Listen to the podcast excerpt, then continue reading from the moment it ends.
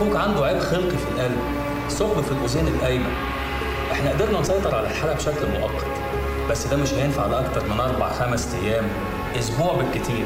المشكلة إن أنت عايز تعالجه على نفقة الدولة وده هيخليك تستنى شهرين ثلاثة وأنا شخصيا ما أنصحش بكده في حالة أخوك. يعني مفيش حل تاني يا دكتور؟ أنا مستعد أعمل له العملية من بكرة لو حبيت في مستشفى خاصة انضف من هنا 100 مرة وكمان هجيب لك سعر كويس. مرضي يا عم. كام تقريبا؟ يعني مش كتير 20 25000 جنيه. استحالة هتلاقي حد يسلفك مبلغ كبير زي ده. كل مواطن له الحق في الصحة وفي الرعاية الصحية المتكاملة. ومش أي رعاية لأ الرعاية اللي بتتوافق مع معايير الجودة. والحق ده مدعوم بنص المادة 18 من الدستور المصري لسنة 2014 ونفس المادة هي اللي بتلزم الدولة بالحفاظ على مرافق الخدمات الصحية العامة.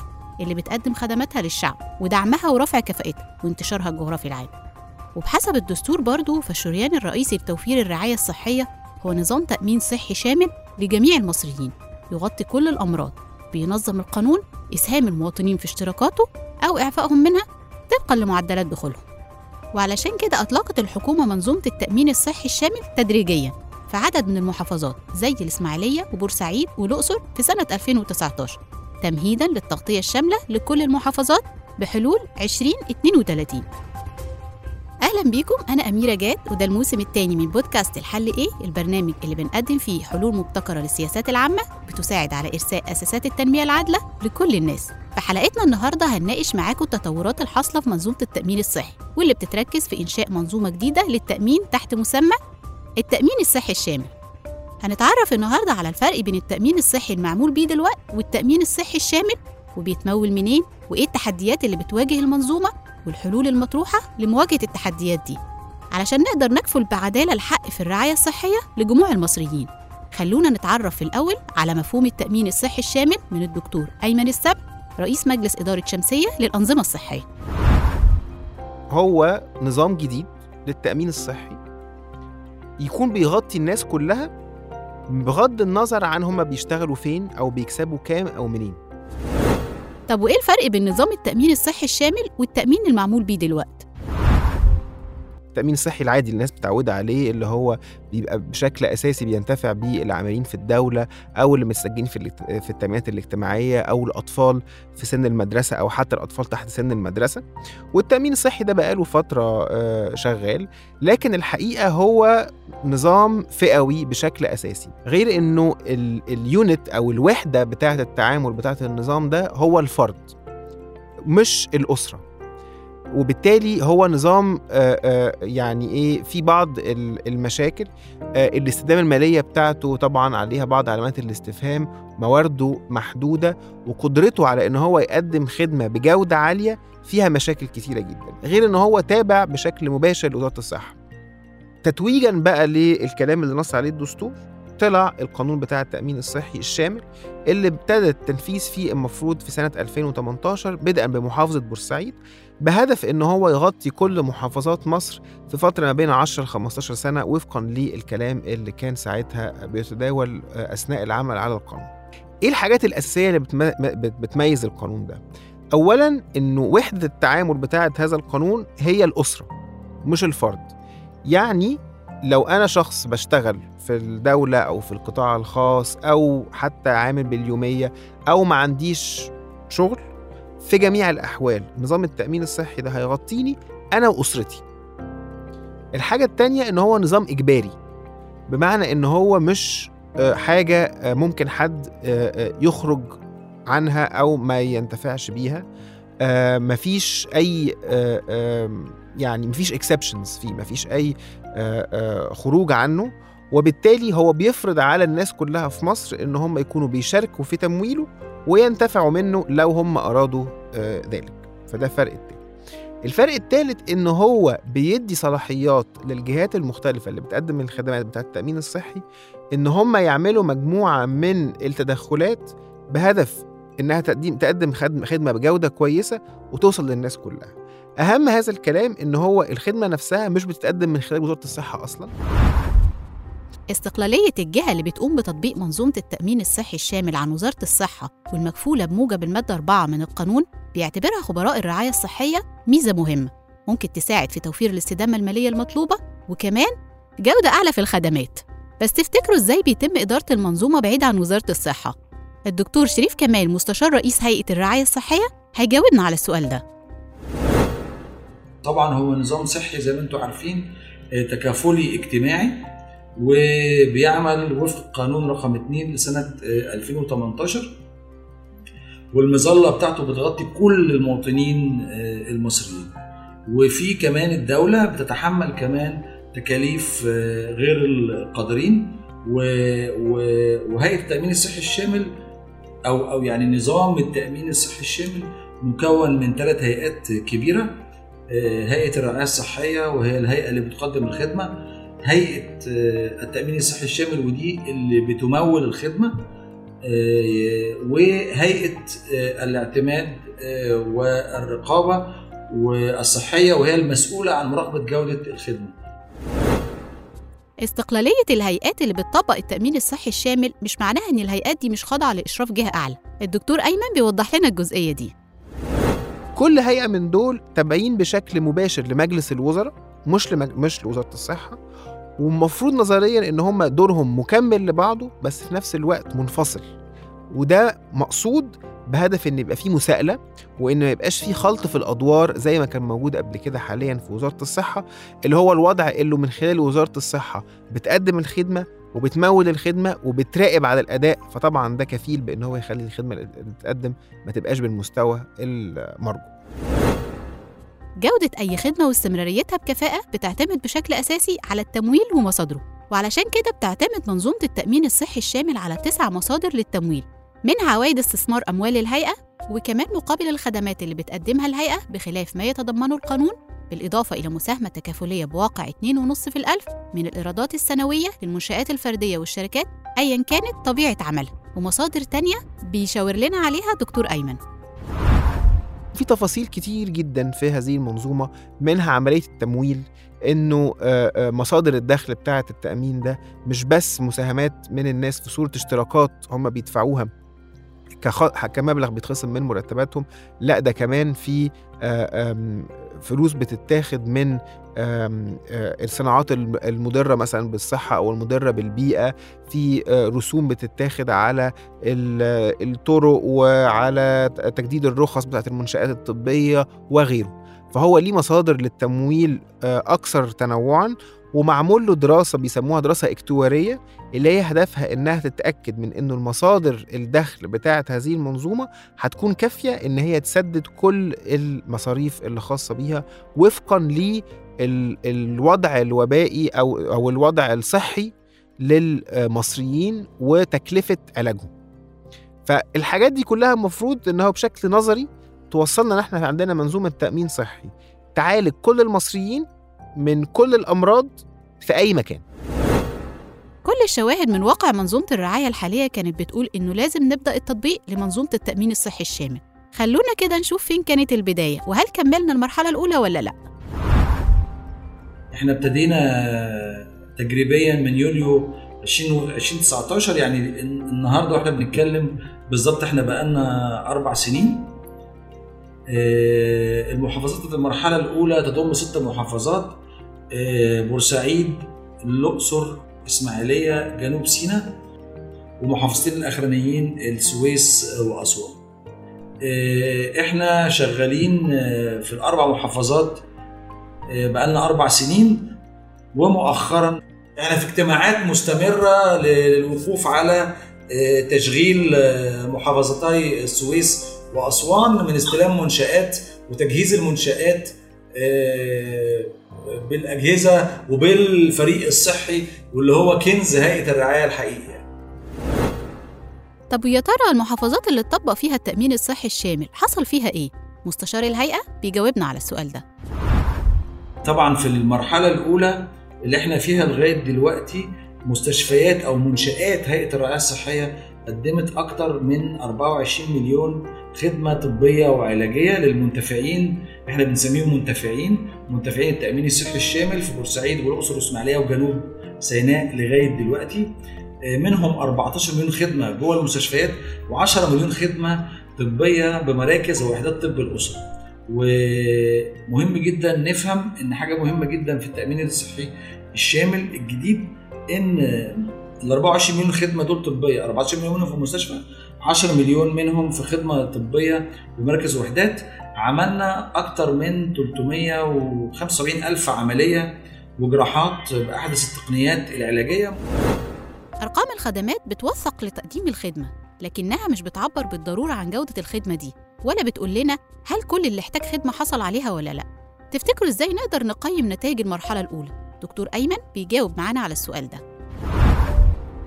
اولا عشان نقيم حاجة محتاجين حاجتين محتاجين معلومات ومحتاجين نبقى محددين أصلا كان إيه المفروض نكون وصلنا له في هذه المرحلة. خلاص؟ خلينا واضحين إنه الاتنين دول غايبين شوية أوكي؟ لأسباب متنوعة بس المعلومات أو البيانات المتاحة هي غير كافية إن هي تدينا التقييم الحقيقي اللي إحنا عايزينه واصلا ما كانش واضح من الأول قوي المفروض نكون حققنا إيه في هذه اللحظة غير يمكن العنوان العريض بتاع إنه تم تطبيق منظومة التأمين الصحي الشامل في عدد معين من المحافظات. لكن خلينا ندخل في الموضوع بشكل عملي شوية. إيه اللي تم؟ اولا في عندنا ثلاث هيئات ليهم مجلس إدارة وليهم موظفين وليهم أهداف وليهم كل هذا الكلام تم إنشائهم وبيعمل بيهم عدد كبير من الموظفين اللي عندهم بقدر قدر كبير أو قدر معقول جدا من الكفاءة بيشتغلوا بهدف القيام بالأدوار بتاعت الثلاث هيئات دي.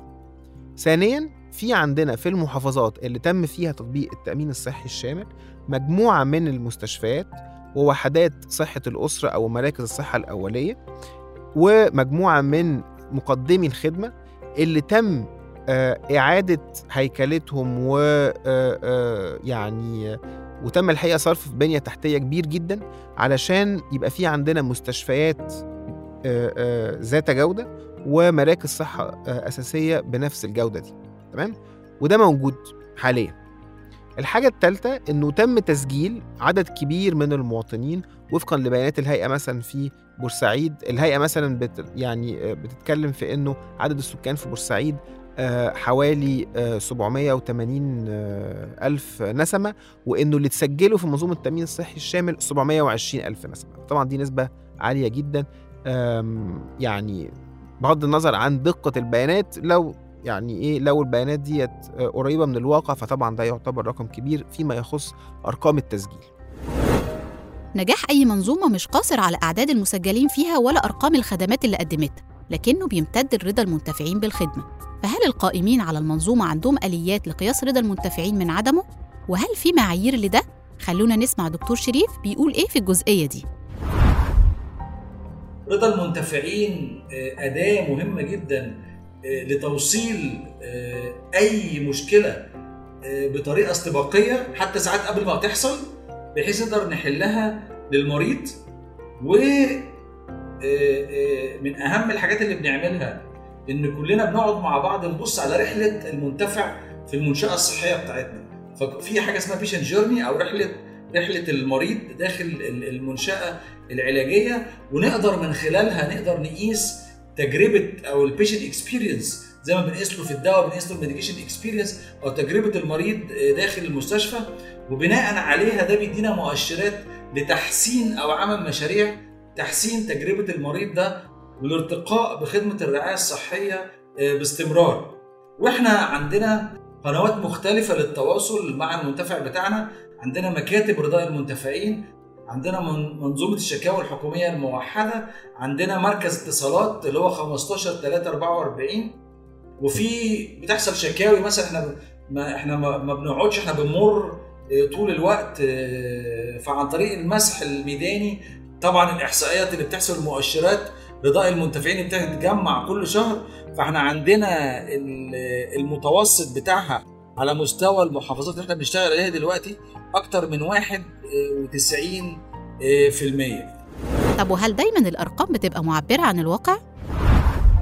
لو إحنا بصينا بقى على رضا المواطنين من الخدمة طبعا هنا الأرقام أنا الحقيقة بشكل مباشر يعني هقول إن أنا مش هلجأ قوي للبيانات اللي بتطلع بشكل رسمي لأنه بيانات الرضا دي ما ينفعش بالذات إنها تتاخد بشكل عملي من مقدمي الخدمة. بس نقدر نقول بشكل يعني عام إنه في رضا كبير جدا من المواطنين فيما يخص خدمات الرعاية الصحية المتقدمة اللي هي عمليات إقامة في المستشفى حاجات اللي من هذا النوع.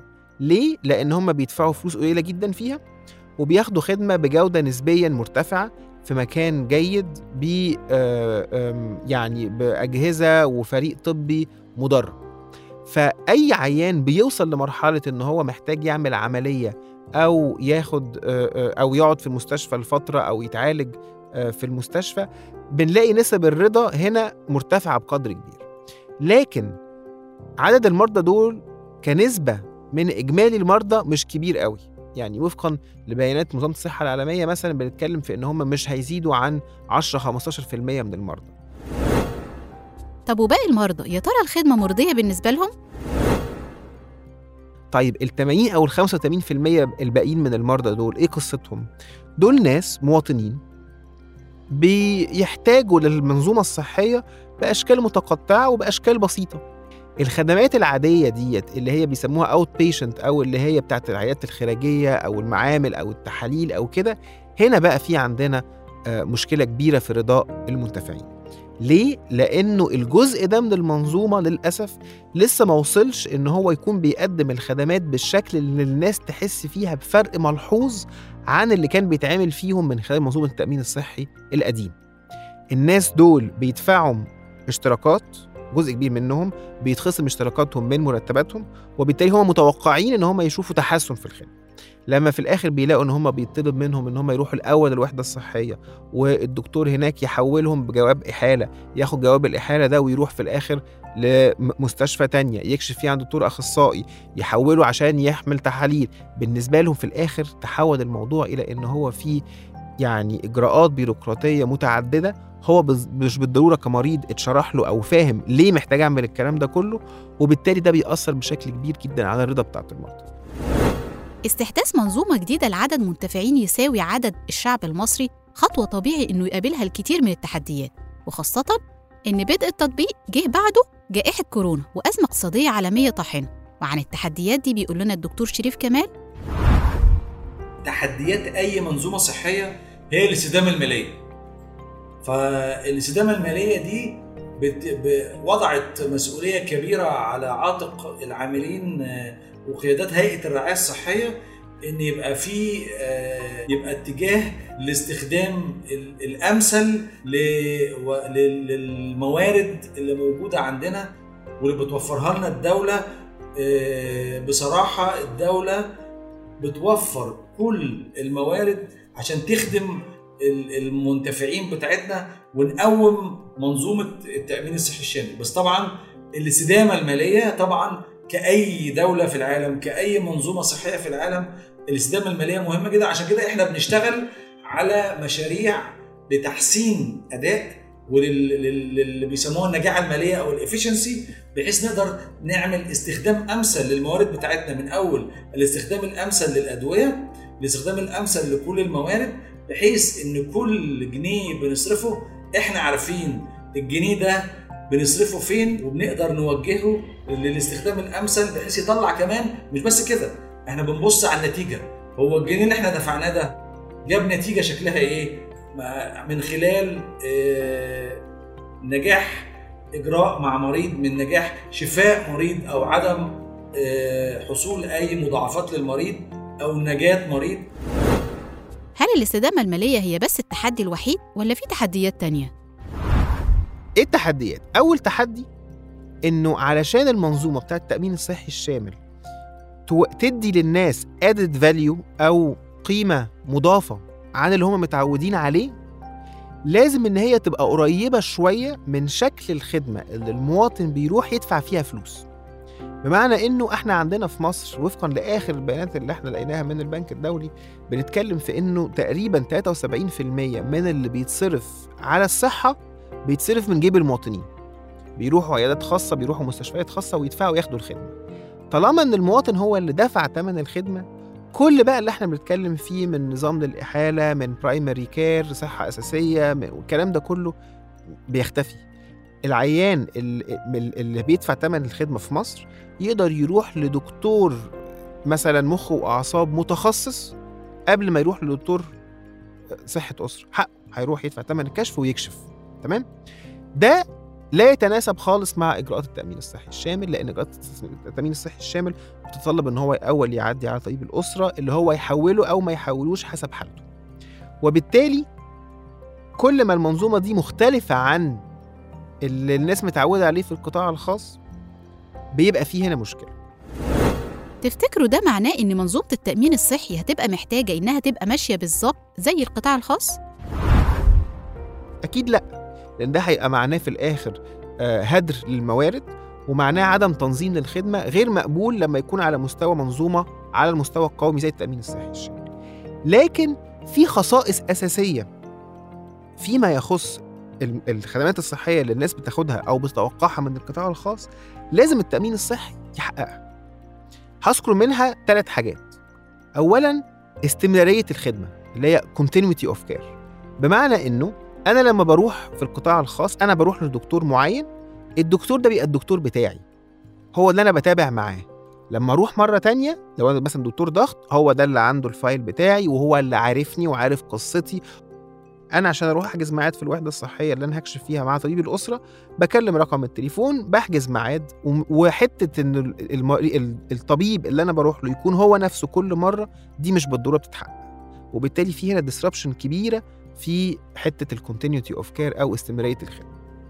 الحاجة الثانية اختيار مقدم الخدمة. أنا كمريض لو أنا رحت في القطاع الخاص أنا هختار الدكتور اللي عايز أروح له. هسأل وهختار اللي أنا عايز أروح له ولو ما عجبنيش هروح لحد تاني.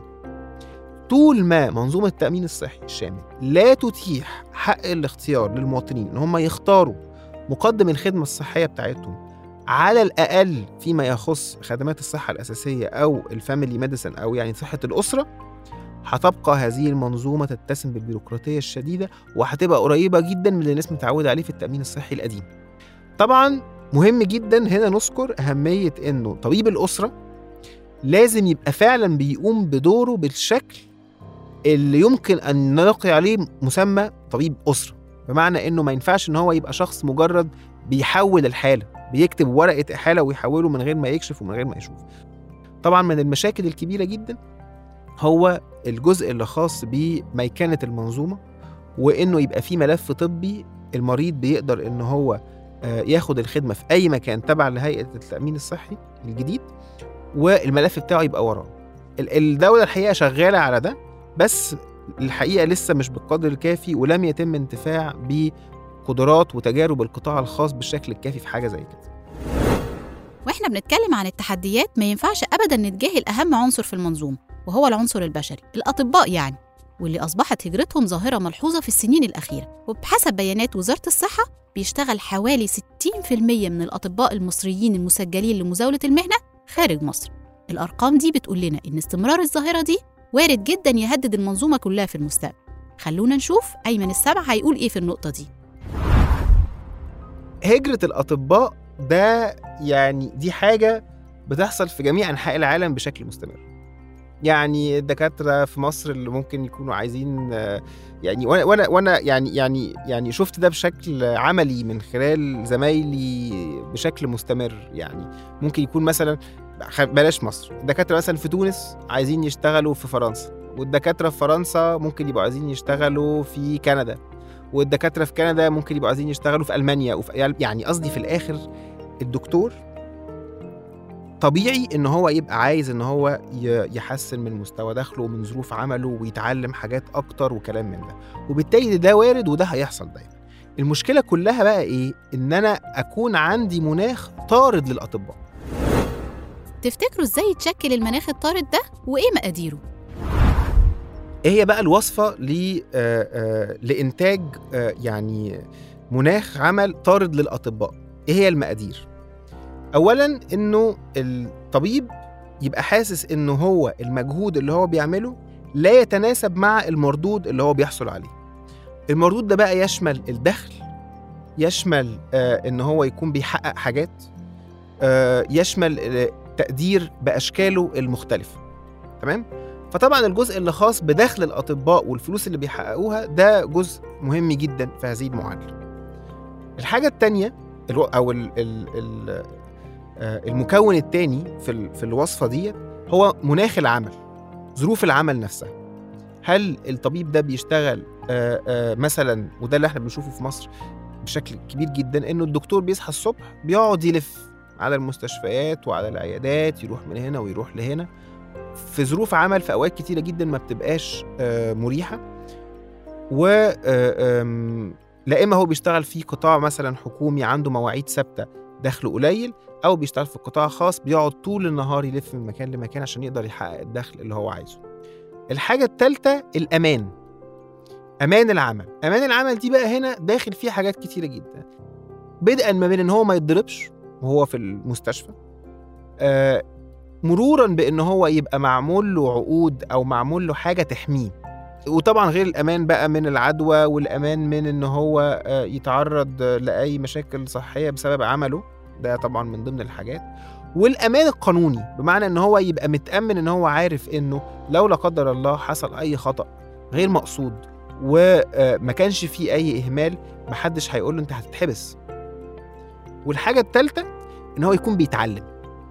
إن هو يكون في حد هو دايما بيعلمه ومهاراته بتزيد بشكل مستمر. فهي دي الحاجات الحقيقيه اللي إحنا محتاجين إن إحنا نشتغل عليها.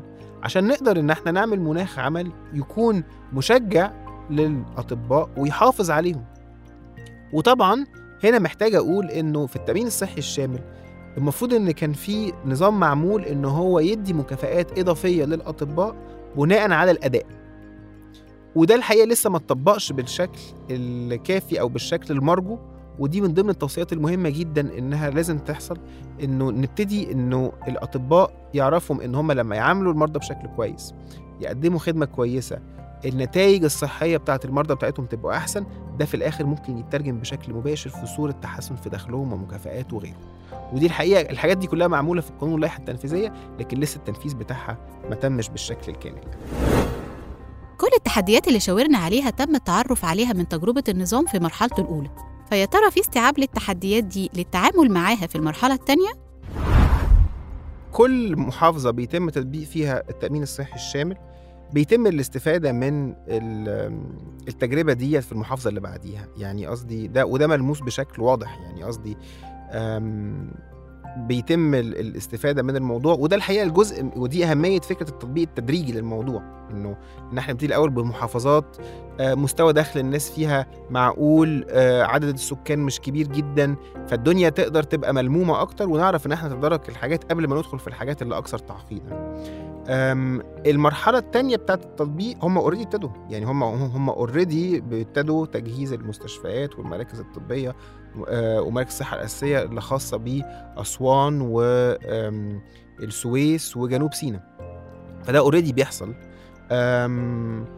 هل ال- المسؤولين على دراية بالمشاكل وبيحاولوا يتد- يتداركوها؟ آه طبعا يعني مفيش عندي آه، شك في ده لكن السؤال بالنسبة لي بقى هل هم عندهم الأدوات والصلاحيات والقدرة إن هم يتداركوها حاجات آه وحاجات لأ.